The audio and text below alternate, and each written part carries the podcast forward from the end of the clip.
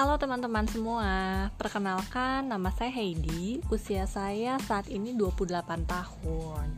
Saya di podcast kali ini akan membahas tentang tujuan hidup dan motivasi hidup.